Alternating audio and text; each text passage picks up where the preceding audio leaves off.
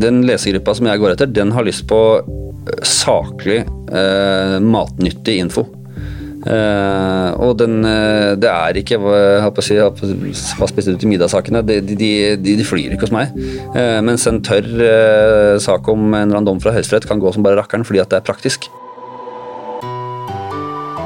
It's a disgrace. And I think they ought to apologize to start with. Dominere. A failing media. Pile of garbage. False and fake, fake, fake,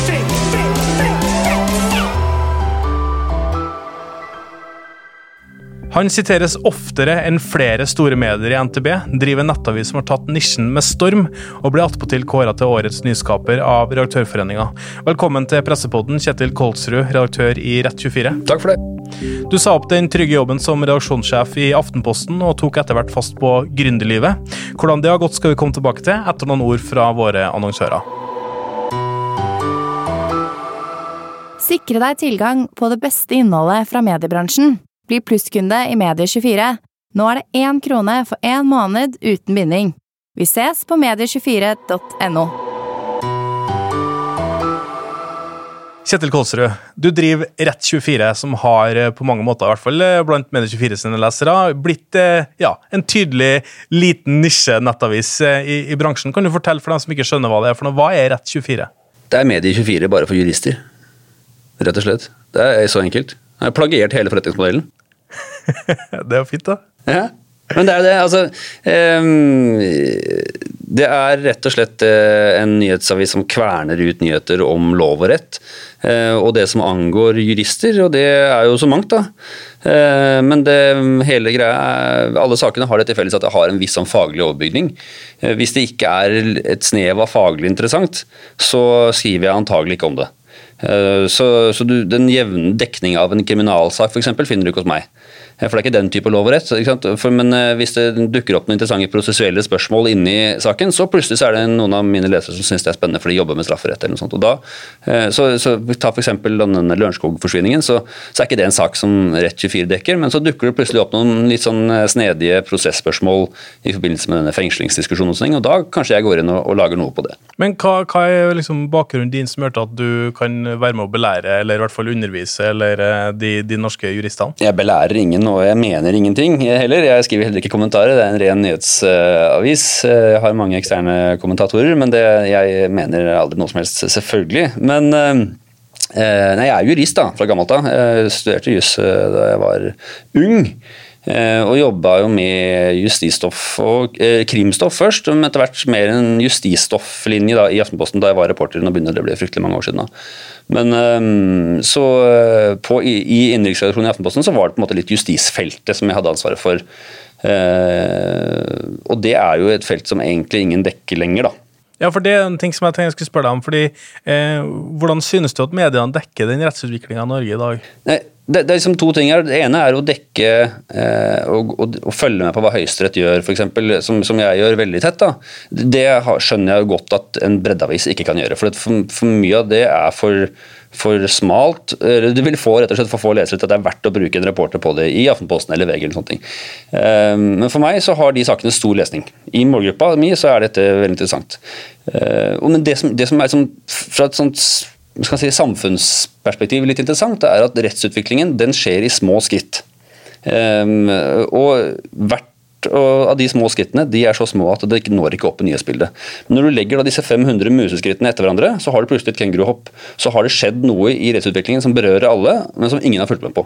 Og det har alltid vært et tomrom der i norsk media. fordi at eh, det er vanskelig for en vanlig breddeavis å måte, følge med underveis. Det er mye lettere med et lovforslag, for da gjør rettstilstanden et stort sprang, og så kan man si før og etter. Men sånn, ikke, sånn, sånn opererer ikke Høyesterett. Men, men altså, du har måttet se at her er det en nisje som er ledig, og sånn, for du er, opererer jo i et marked hvor det allerede finnes noen nisjemedier, advokatblader blant mm. og så, sånne ting. Eh, men hva var som var på en måte grunnen til at du så at her er det et behov? Det er nok eh, litt tilbakemeldinger fra eh, Jeg kjenner jo veldig mange jurister, da, i og med at jeg er jurist selv og er gift med en jurist og omgis mye, omgås mye jurister. Tilbakemeldinger fra, fra mange, egentlig, fra, gjennom de årene etter at jeg slutta å være skrivende i Aftenposten. For da var det mange som kom ved ymse anledninger og sa at jeg savna den gangen Aftenposten skrev, for det var ingen andre som skrev om det. Jeg var ikke i nærheten av så i dybden da som jeg er nå, altså da var jeg tross alt i Aftenposten, men, men det er mange som har nevnt det. Og, og jeg, som leser så ser jeg jo det jo også. Det jo ingen, har jo aldri vært noen egentlig sånn systematisk dekning av rettsutvikling, fordi at det er det krever for det første at du kan lage et produkt som kan leve med få lesere, for det er ikke så mange som vil, klare å, eller vil ha lyst til å følge så tett på dette. her. Og Dels eh, så krever det jo at du har en fagkompetanse i bånn, for du klarer ikke å lage dette her uten å kunne litt juss, tror jeg. Uh, og så var det viktig for meg å lage at dette her skulle være en nisjeavis for jurister. Det skulle ikke være for advokater eller for dommere eller for påtalejurister. eller noe sånt. Det er fordi mange, Disse juristene jobber ikke med det samme alle sammen. Uh, det skulle være måte, fundert i den grunnleggende faglige interessen som de fleste jurister deler, da, med en litt sånn nerdete interesse for morsomme juridiske problemstillinger, selv om det ikke er på deres eget felt. Jeg tror veldig mange jurister har, hatt, har sånn grunnleggende lyst til å holde seg sånn vagt orientert om hva som skjer på også de andre feltene de jobber med. Én jobber med konkurs, én jobber med straff, én jobber med avtaler, én jobber bare med prosedyre. Men alle har lyst til å Og de er spesialister på det alle sammen, men alle har egentlig lyst til å vite litt om hva som skjer på de andre feltene, men de har ikke tid i det daglige til å sette seg, i hvert fall ikke begynne å lese dommer og sånne ting. Og da tilbyr jeg og slett en tjeneste at jeg skanner og skanner og skanner og finner de tingene som jeg tenker dette her er litt småmorsomt, dette er interessant, og gir en superenkel og komprimert uh, versjon av det som de kan sitte ved frokosten og bare shoot, tjut, tjut, og føle at de har liksom, en viss eh, kontroll på hva det viktigste som skjer på eh, fagfeltet. Men det, det skulle nesten tro at du eh, har blokkopiert det med 24, som du sier. For det er jo litt sånn tanken også hvor at man, vi skriver om sosiale medier, men journalister bruker jo sosiale medier. Vi skriver om medier, ja, men medier er jo også alle som jobber med mediesalg, eller som jobber med liksom, eh, teknologi, kommunikasjon osv. Og, så og sånn, den type ting. Men det er ikke ganske sykt å tenke på at vi ikke har noen som følger rettsutviklinga i Norge? Er ikke det liksom kjernen av det kan du si, samfunnsoppdraget for norske journalister? Jeg vil, jeg vil, ikke kalle det sykt. jeg er jo så forsiktig mann. Men, eh, men, men, det er jo klart det er jo litt tankevekkende at eh, det offentlige bruker mye er det offentlig subsidierer norske medier med? 6, 7, 8 er bare NRK 6 milliarder, og resten er 8 milliarder kroner da, som eh, det offentlige subsidierer media med. Det vil si 5,7, men ja. Ja, ok, ja. Eh, og så er det ikke eh, Innenfor de 8 milliardene kronene så er det da ikke én eh, som jobber fulltid med å dekke rettsutvikling. er jo for så vidt et tankekors, eh, er lov å si det. Men som sagt, eh, jeg, dette egner seg for en nisjeavis fordi at det er det er ikke grunnlag for å drive den journalistikken som jeg driver med innenfor rammene av et breddemedium. Det, det er helt opplagt. Så det, så det, er jo eh, den vidunderlige digitale tidsalder som gjør at det er lett å smelle opp en avis fra kjøkkenbordet, og så kan man, eh, kan man begynne å kverne ut et nisjeprodukt som, som eh, tjener en misjon. Leserne har jo trykket det til sitt bryst i stor grad. Ja, for hvordan går det med Rett24? Det har gått kjempefint. Vi dobler oss for hvert år. Eh, vi har, eh, ligger nå på omtrent 100 000 sidevisninger i uka. Eh, og har vel rekord på en halv million på én måned. Det var i mars. Det var vel all time high på en halv million på sidevisninger på én måned. Det ble mindre på våren når alle helligdagene kommer, men fint tall. Og omsetninga har vokst jevnt og trutt. Uh, fikk seg en liten knekk i slutten av, april, uh, slutten av mars, starten av april, men det ble ikke noen sånn kjempeknekk. Uh, mange som er veldig mye hardere ramma enn oss. Fraværet av korona har ikke gitt mindre behov for jurister, for å si det rett ut, så det har, vært, har, ikke vært noen krise. Så det går etter planen rett og slett. Ja, for Jeg snakka med deg ganske tidlig når du, når du var i gang med, med RS24, eh, og da sa du at du hadde en veldig tydelig forretningsplan, og at du brukte en del tid på det, og hva du skulle være, og ikke minst hva du ikke skulle være. Eh, og sånn. Ha, har Rett24 blitt det du hadde håpa på? Jeg har fulgt planen 100% 100 eh, Så det, det, er faktisk noe veldig Noen få avvik. Noen jeg vet at det er noen ting jeg hadde misforstått eh, og bomma på som jeg har skrota.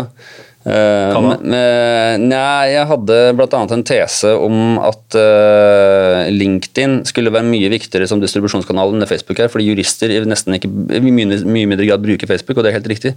Men uh, sånn ble det ikke likevel. Jeg oppdaga at, at på LinkedIn så deler man aldri man deler ikke artiklene i særlig grad, så derfor så kommer det veldig mye mindre trafikk fra LinkedIn likevel. Nå er jo ikke trafikk i seg selv noe valuta for meg, men, men det er jo likevel noe man er opptatt av, selvfølgelig. Du lever jo av journalistikken din, og det er på en måte, du skal jo drive journalistikk som er prega altså nyhetsjournalistikk. Hva er liksom tanken din? Hva ønsker du å, ut, å oppnå med journalistikken din, Kjetil? Det er jo et litt sånn stort spørsmål. da. Eh, hvorfor ble man journalist the first? Det er jo fordi man har lyst til å fortelle gode historier, eller hva er, det, hva er det man gjør? Nei, det jeg har lyst til at Rett24 skal oppnå, er jo at det skal bli eh, en bredere kunnskap. Hvis, hvis, hvis jeg kan bidra til en, en økt eh, allmennkunnskap eller allmenn bevissthet om litt sånn grunnleggende rettslige problemstillinger som berører oss alle, så, så blir jeg veldig glad. Eh, det er mange av disse problemstillingene som, som jeg vaser rundt i på Rett 24 på et litt sånn tidvis litt abstrakt plan berører folk ved hverdagen i mye større grad enn folk er klar over.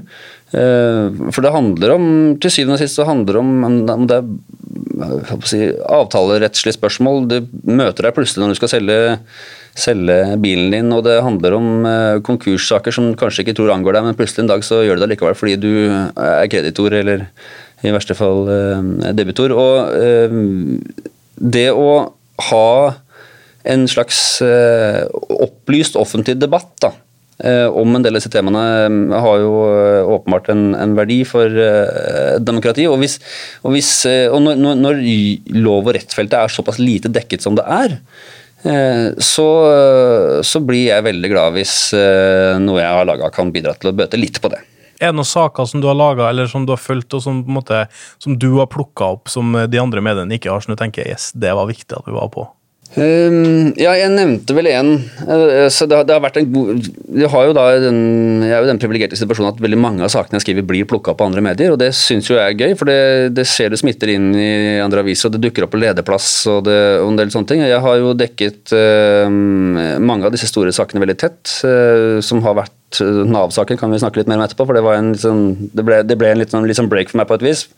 Men uh, første gangen jeg opplevde at, å ta et ordentlig sært tema og løfte det og kjøre det ganske hardt, og plutselig se at det dukker opp i, i de store mediene, det var, uh, det var våren 2018, det er drøyt to år siden da det pågikk en kjempestor diskusjon eh, om den såkalte København-prosessen, om, eh, om eh, slags mandatet til Menneskerettighetsdomstolen, eh, om hvordan det skulle være formulert. Det høres veldig abstrakt og fjernt ut. Men, men det, det det handla om, var at eh, særlig England og Danmark de var lei av at EMD kom og fortalte dem om hvordan de skulle gjøre asylpolitikken sin. For de ville ha en strammere, strengere linje, og de ville ha lavere terskel for å utvise folk. Eh, og for å ikke bli plaga av for å si sånn, setter vi på spissen, for å ikke bli plaga av menneskerettighetsdomstolen i det, så ønska de å på en måte snevre inn virkeområdet for domstolen. Og dette var jo eh, kontroversielt, fordi at eh, klart når menneskerettsdomstolen menneskerettighetsdomstolen er jo litt sånn at vi i Vesten vil jo gjerne eksportere våre verdier til øst, og vi vil helst ikke ha noe tilbake. Eh, og, og, dette her ble jo en kjempestor, eh, liksom fundamental debatt om hvilken retning menneskerettighetsdomstolen skulle ta, og hvordan eh, vi i vestlige landene skal forholde oss til at eh, EMD kanskje ikke alltid mener det vil. Hadde vi fått den debatten, har ikke vært for dere? Eh, den pågikk i hvert fall i faglige kretser, men eh, den, ved at jeg kjørte den ganske hardt, så ble den jo mye større i faglige kretser, fordi at faglige kretsene også leste 24. Og så begynte det å stå om det i Aftenposten og i BT og, og litt forskjellige steder, og da, da er når den ut til mange. Og så endte det med at dette forslaget da ble jo uh, nedstemt der, der nede, og det jeg skal, ikke si at det hadde blitt noe annerledes, men, men, folk var i hvert fall med på det og klar over at debatten foregikk, og det har jo åpenbart også en verdi. Da. Så det, det, var første gang jeg tenkte at yes, det, det, er, fullt mulig å få sære perifere temaer til å faktisk Men det forutsetter å skrive det Man må skrive enkelt og gjøre det så banalt som man kan innenfor en faglig ramme, og det prøver jeg på. Jeg er grunnleggende tabloid anlagt mann, så jeg, jeg, så jeg prøver å gjøre sakene kjappe og enkle. Jeg skriver ikke lange, lange haranger. Eh, det har ikke mine lesere lyst til å lese heller, så jeg, eh, keep it simple prøver jeg hele veien. Mm, du er en tabloid-jurist, er ikke det en ja, motsetning? Ja, nei, nei, nei, nei, se på hva du ser på. Det er mange tabloidjurister som har slått seg godt opp på Dagsrevyen opp gjennom åra, så, så, eh, nei da. Og det, det, å si noe enkelt og kjapt, det er ikke dårlig juss. Mm. Tvert imot. Du nevner Nav-saken. Eh, det var vel ingen som trodde at vi skulle få en større krise i, Norge enn Nav-skandalen. Eh, så fikk vi eh, Det var visst en global pandemi, etter det jeg har forstått. Eh, men, men Nav-saken, du sier at det er en av de tingene som du ønsker å prate om, hvor du, du har vært, med å rulle opp. Eh, kan, kan, du si litt om, om, bakgrunnen for det? Ja, Jeg har ikke vært med å rulle den opp, det vil jeg ikke påstå. Men uh, det skal jeg ikke skryte på meg. Men det som, den, den, var, den ble et fascinerende øyeblikk for uh, Rett24, fordi uh, den mandagen da det ble innkalt til pressekonferanse så, så, var det verdens kjedeligste pressekonferanseinnkalling. Det sto eh, liksom eh, Nav og, og statsråden eh, orienterer om feiltolkning av direktiv, bla, bla, bla. Det var, det, var, en helt uhyre kjedelig pressemelding. Eh, og den tror jeg ikke noen hadde dukka på, for å si rett ut, med mindre de ble tvunget til det. Men så var det én ting som sto der, og det er jo Riksadvokaten kommer også til å være til stede. Og da rykka jeg litt for hva i all huleste gjør Riksadvokaten her, tenkte jeg. Var han med Nav og direktivet om uh, trygdeeksport å gjøre? Så her må det være noe helt uh, uvanlig. Så, dette var sånn type ni-ti om morgenen, og det var innkallingen var til klokka ett. Så jeg kasta meg på telefonen, tok noen, noen, telefoner, og hadde i løpet av en times tid fått på det rene at, det, at de mente det lå da var det 38 uskyldige dømte i det komplekset her. Eh, og Da ble det jo en svær sak, så det kjørte jeg da ut omtrent. eller jeg hadde, Først så fikk jeg ikke tallet bekrefta, så jeg kjørte vel ut flere titalls sånn etter en halvannen time. Og så hadde jeg tallet 38 en halvtime etter det igjen. Um, og da, uh, da, ble det jo veldig mange folk på den pressekonferansen. Da skjønte jeg jo at uh, den saken her så kommer jeg til å ha et kjempeforsprang på alle de andre. Dette kan ingen noen ting om. Uh, jeg kjenner alle i EØS-rettsmiljøet, de kan jeg godt. Jeg, kan, jeg forstår hva problemstillingen er. Og I løpet av noen dager så kommer alle de store mediene til å være kjempegode. De har lest seg opp, de har satt fem folk på saken, de kommer til å ha full kontroll. Men fram til da så har jeg et forsprang. This is mine. This is mine. Så da bestemte jeg meg for at nå skal jeg ikke gjøre noe annet de neste tre-fire døgnene enn å jobbe med denne saken her. Uh, og jeg gønna på noe helt ekstremt. Jeg tror jeg sov sånn to-tre timer per natt. Uh, og, og, var først med alt, egentlig, de første fire-fem dagene. Uh, fram til helga. Det skjedde jo på mandag. Eh, og hadde to-tre sitatsaker om dagen. Og det var, det var, det var, en fest, rett og slett. Og så skjedde jo akkurat det, da selvfølgelig, at uh, de andre mediene da fikk uh, store dieselmotorene sine i gir, og da ble jeg selvfølgelig knust som en mygg.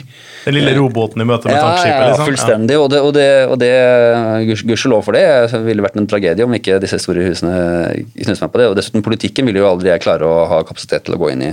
Det var jussen jeg, kunne orientere meg om. Så, så, så, sånn ble det jo. Da, og da da hadde jeg dessuten trøtta ut leserne mine litt. Da, for at eh, alle Rett24-leserne hadde jo ikke lyst til å lese bare om Nav hver eneste dag hele tida. Så, så, spennende syns ikke de at det var. Så, og i og med at staben min er ganske liten, så hadde jeg ikke da noen til å sette på noe annet. Så det ble bare Nav den uka. da. Så, så Derfor passa det meg bra å roe litt ned etter da den helga kom. Men, men, da hadde jeg på en måte etablert meg veldig, og trafikken gikk jo bananas på disse sakene. Så, så det, det, ble et varig løft av trafikken til Rett24, og også nok også statusen litt, da, fordi at eh, den ble, ble fremheva i veldig mange sammenhenger. Har du fått en effekt av det i ettertid? Ser du at liksom, du har etablert deg på et annet eh, ja, nivå? Jeg etablerte trafikken, eh, førstesidetrafikken og generelltrafikken på et høyere nivå etter det. Uh, definitivt. Så, det, så det, det, det, markerte Når jeg ser liksom på trafikkutviklinga, så var det en, måte en slags sånn løft. For det ramla jo ned Dette var jo en uh, oktober-november. November ble jo da veldig god, og så ramla det selvfølgelig ned igjen i desember, men, men det ramla aldri ned igjen til det det var før. Måte. Jeg syns jo kanskje, basert på det du sier, at det er litt sånn, det er litt sånn bekymring der, med tanke på at enn hvis du ikke hadde vært der, på en måte? Altså Hvis jeg ikke hadde vært der, så hadde det jo blitt dekka likevel, men det hadde gått litt treigere, da. Vi liker jo ikke ting som går treigt.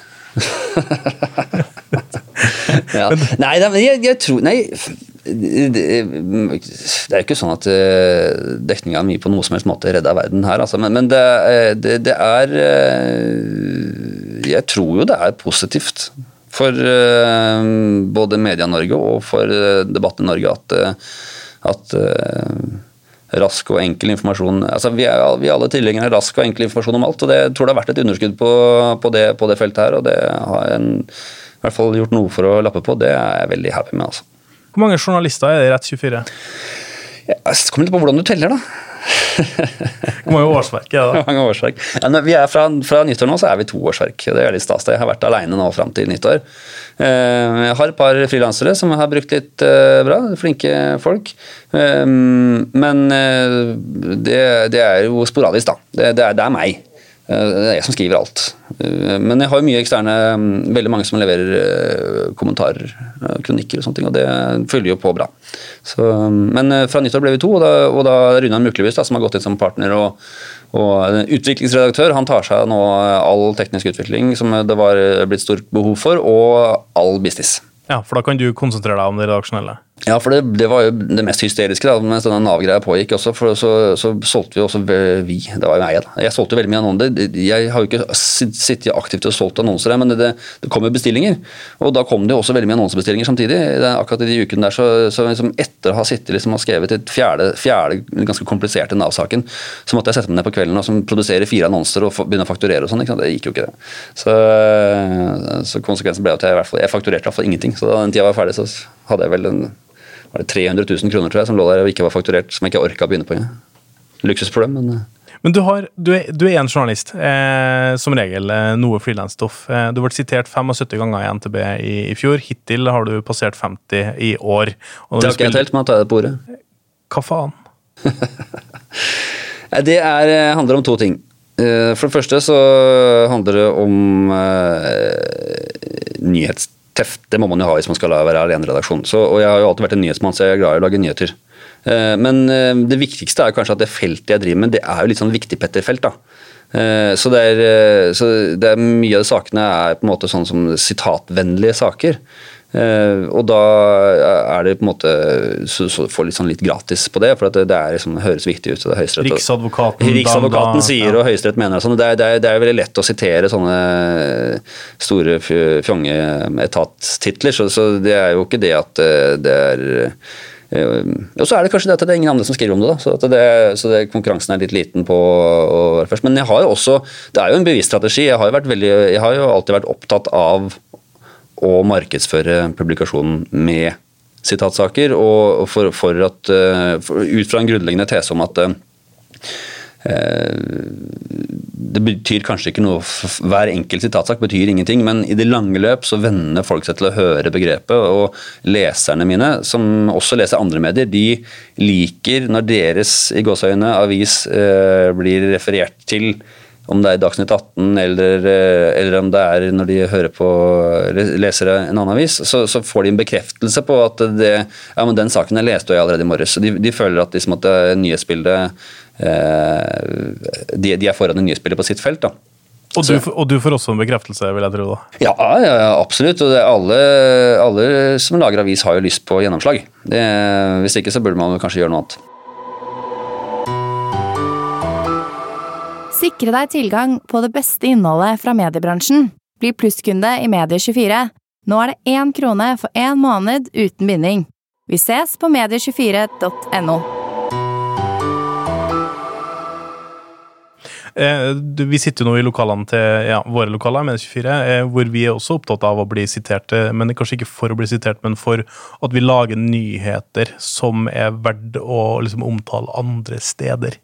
Eh, hvor, hvor viktig er det på en måte strategien din å, å, liksom, eh, å lage viktige nyheter, og ikke liksom for å jakte portretter og, og feature og, og hva spiste du til middag og saker, liksom? Den er kjempeviktig, men ikke fordi at jeg er så veldig opptatt av å fremstå så veldig viktig, men det er fordi at det det er det leseren vil ha. Eh, Den lesergruppa som jeg går etter, den har lyst på eh, saklig, eh, matnyttig info.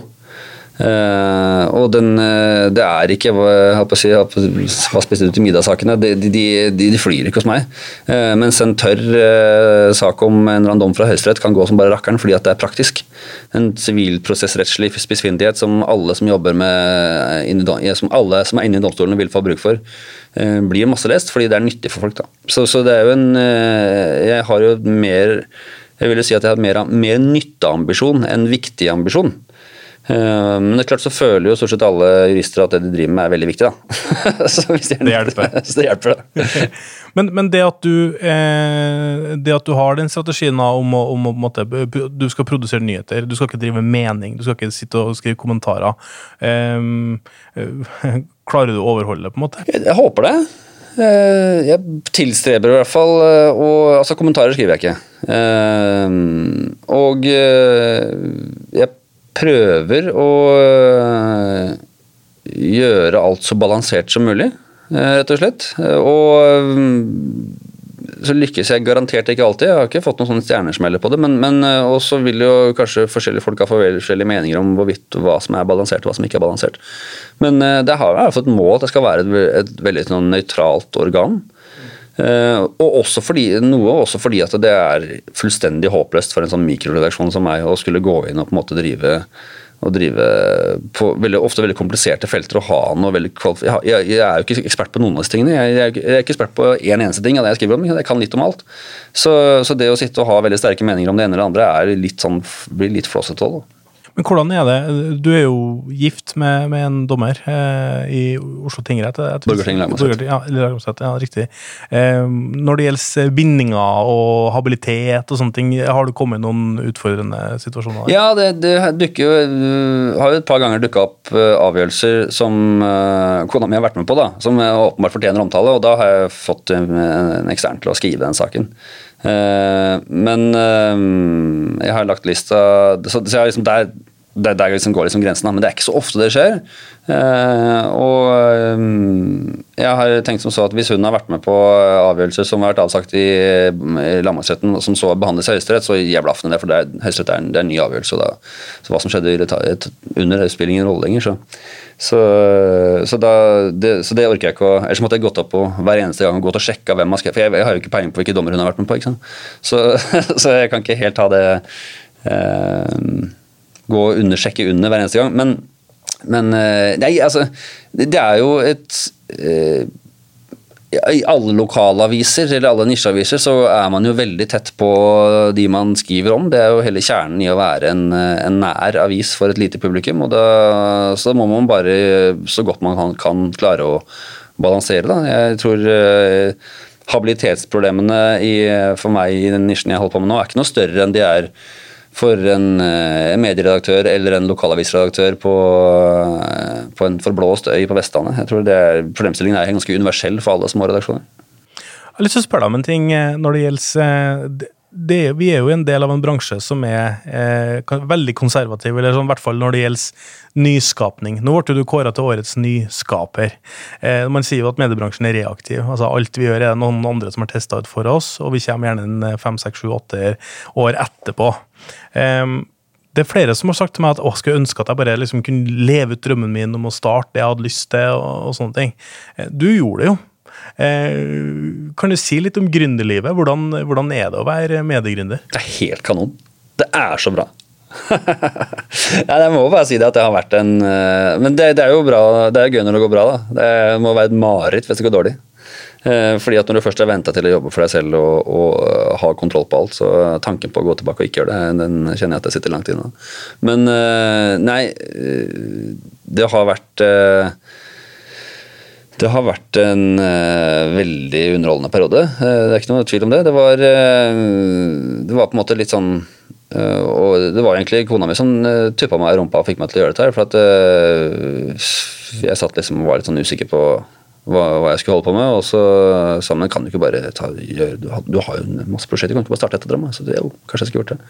Ja, for det slutta jo som reaksjonssjef i ja, det, det var Og så var du advokat eh, like tilbake til, til jussen, ute det? Eller hvordan var det? Litt, eh, litt mer komplisert enn så, men jeg, var, jeg slutta i Aftenposten og begynte i Delta, som er det største forbundet i IS. Der var jeg sjef for politikk og kommunikasjon og advokatfullmektig. Eh, og så eh, meget, sånn, Jeg satt i ledergruppa, var det var en sånn, vi hadde, jeg fikk mange fine roller her. Det var veldig Eh, fint, det var gøy. Bra sted å jobbe. Og så var jeg der i halvannet år, og så ble jeg spurt om å gjøre et prosjekt for NHO som handla om å lage en slags uh, digital advokat, for å si det veldig banalt, på arbeidsrett.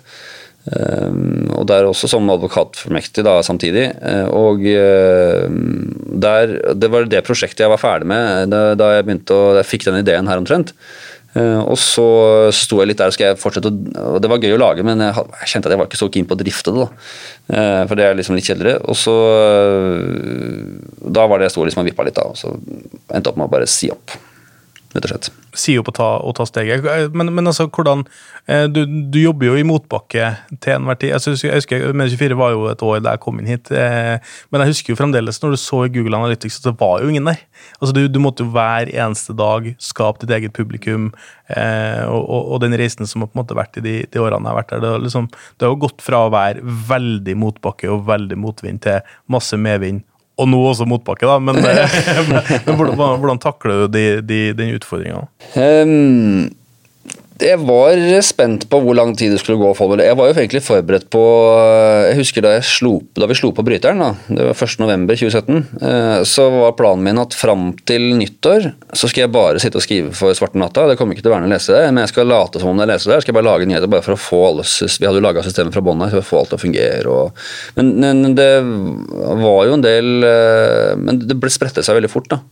Eh, så i løpet av første uka så var det på en måte flere, ganske mange som hadde delt veldig mye og sett det her kom til nytt. Så, så vips, så hadde jeg noen tusen lesere ganske raskt. da.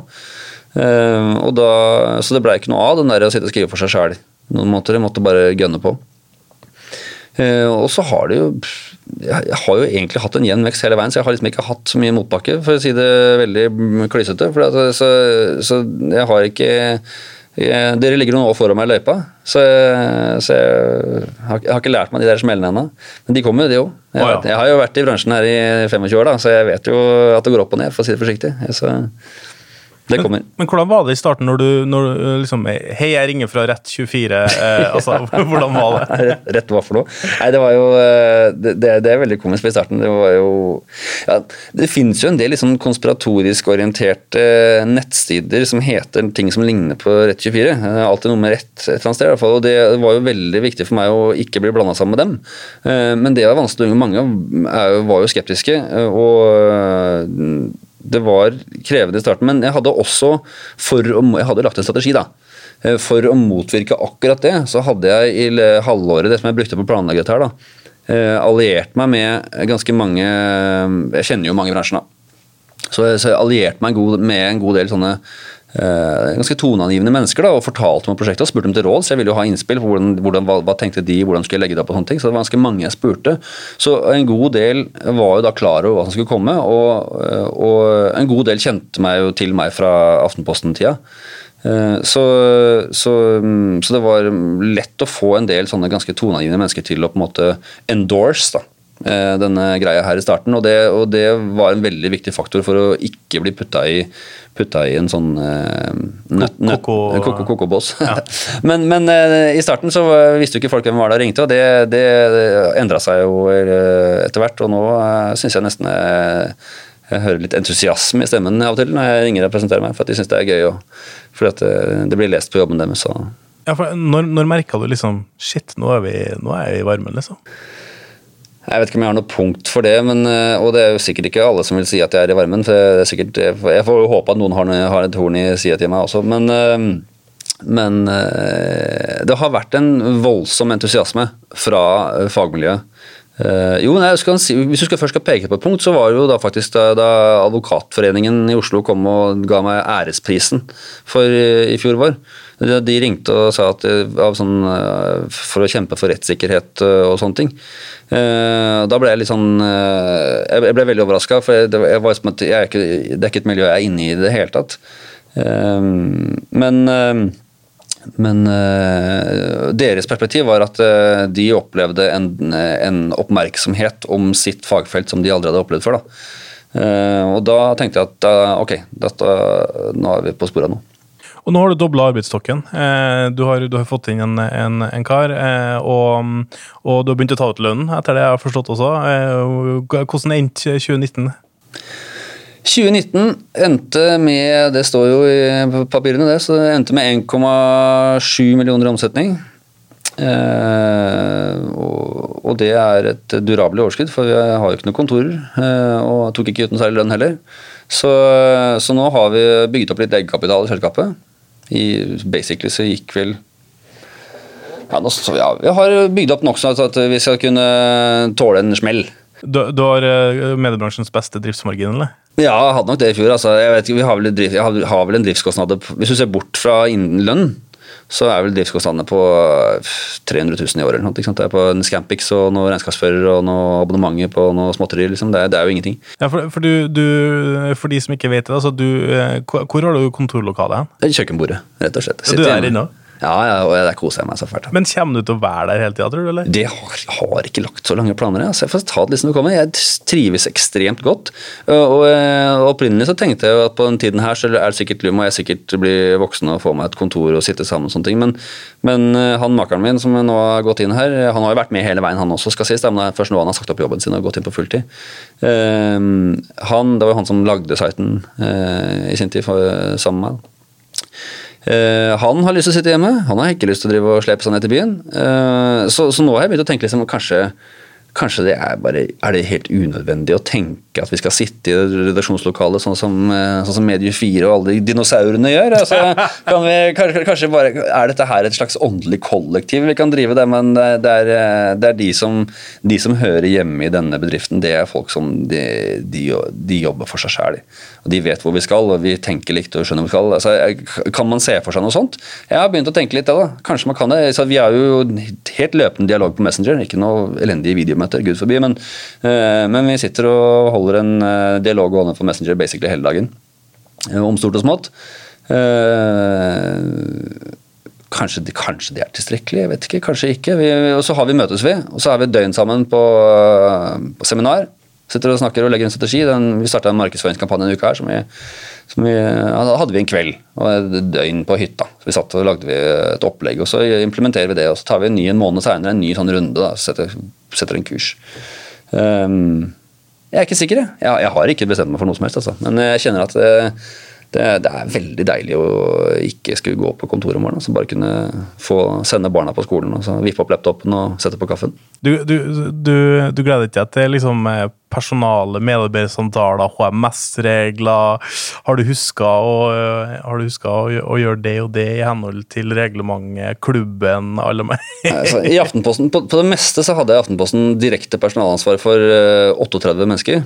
Uh, og da uh, det er jo hyggelige mennesker og det er flotte mennesker, strålende medarbeidere, men da, jeg har hatt litt dosen med personalting.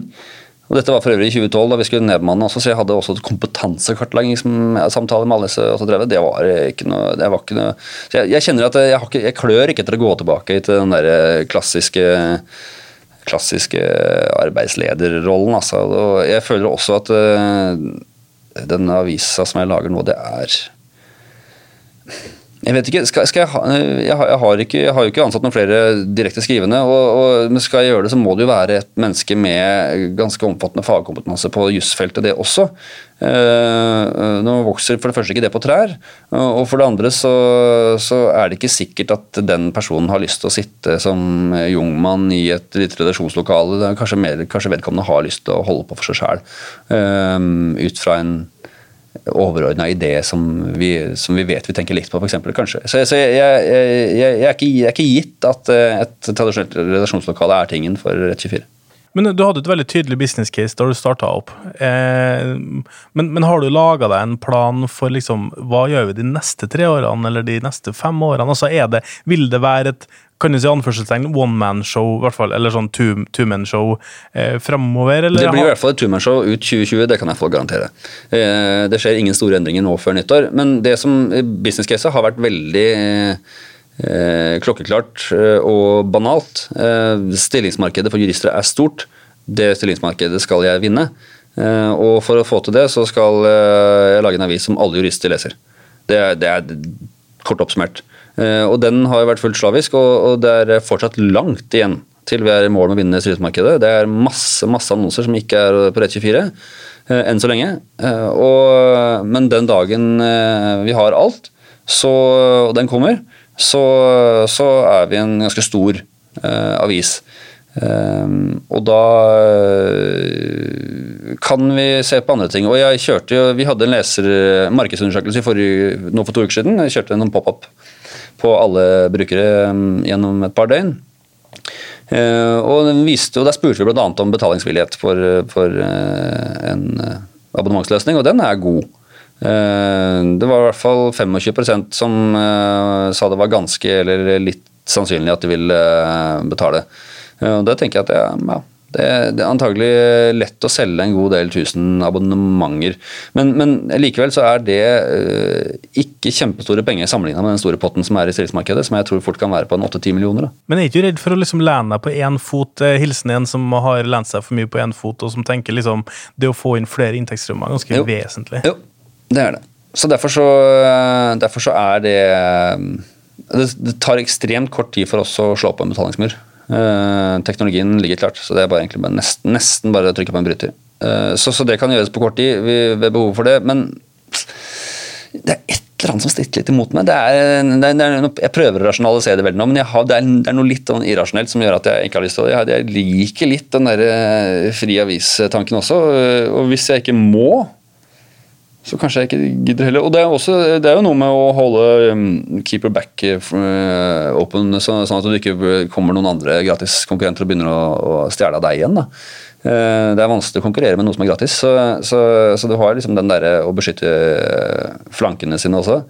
Um, jeg, jeg, jeg, jeg, tar det litt som det kommer, rett og slett. Jeg vet ikke helt altså, hvor vi skal eh, gjøre det. Men jeg vet at det er et voldsomt vekstpotensial. Jeg tror ikke vekstpotensialet på trafikken er så kjempestort lenger. Jeg tror uh, markedspenetrasjonen, som vi lærte på i Schibsted eh, er såpass høy at jeg tror ikke jeg kan vokse masse på trafikk. Uh, noe på hyppighet på besøk, men ikke veldig mye. Men, uh, men på stilling så kan vi ta mye fortsatt. Så hvis du skal karakterisere framtida for Rett24, hva, hva, tenker du på da? Vi skal i hvert fall ikke stresse. Vi begynte ikke med dette her for å stresse. Det skal være, skal være gøy. Og uh, Nei, det er trivsel står sentralt for meg. jeg, har lyst til, jeg har lyst til å kose meg. Så, så det, jeg, tar, jeg, gjør det jeg har lyst til, rett og slett. Altså. Det er uh, det er, eh, kommer det noen utfordrere som gjør at jeg må gire opp, så skal jeg klare å gire opp, for jeg er ganske fleksibel, så jeg kan snu om. Eh, men så lenge eh, pilene peker rette veien, målene nås på en måte, og det journalistiske gjennomslaget er, er godt er sånn, jeg, jeg, tror ikke jeg skal produsere åtte saker om dagen heller. For da blir terskelen for hva som er en nyhet på 24 vil da bli så lav at det blir mye kjedelig. Eh, jeg har heller ha eh, få interessante saker enn mange middels. Eh, så selv om det kanskje ville gi et høyere volum på trafikken likevel, så er jeg ikke sikker på om det på lang sikt er gunstig heller. Da. Men jeg skulle gjerne hatt litt mer stroff enn i dag. Det er, litt, det er litt, for tynt i dag, med to, to til tre publiseringer på hverdager og en og annen publisering i helgene. Det er litt, det er litt, litt i tynneste laget. Men, men, samtidig åpenbart nok til å dra mye lesere. da. Vi ønsker deg høy trivsel, eh, gode driftsmarginer årene framover. Takk skal du ha. Takk skal du ha for at du var med i Pressepodden. Reaksjonen består av Erik Våtland, Jan Magnus Weiberg Ørdal, Ingvild Fylling, Even Hye Tebarka og Endre Simonsen. Teknisk ansvarlig Sebastian Manrikes. Vi høres plutselig.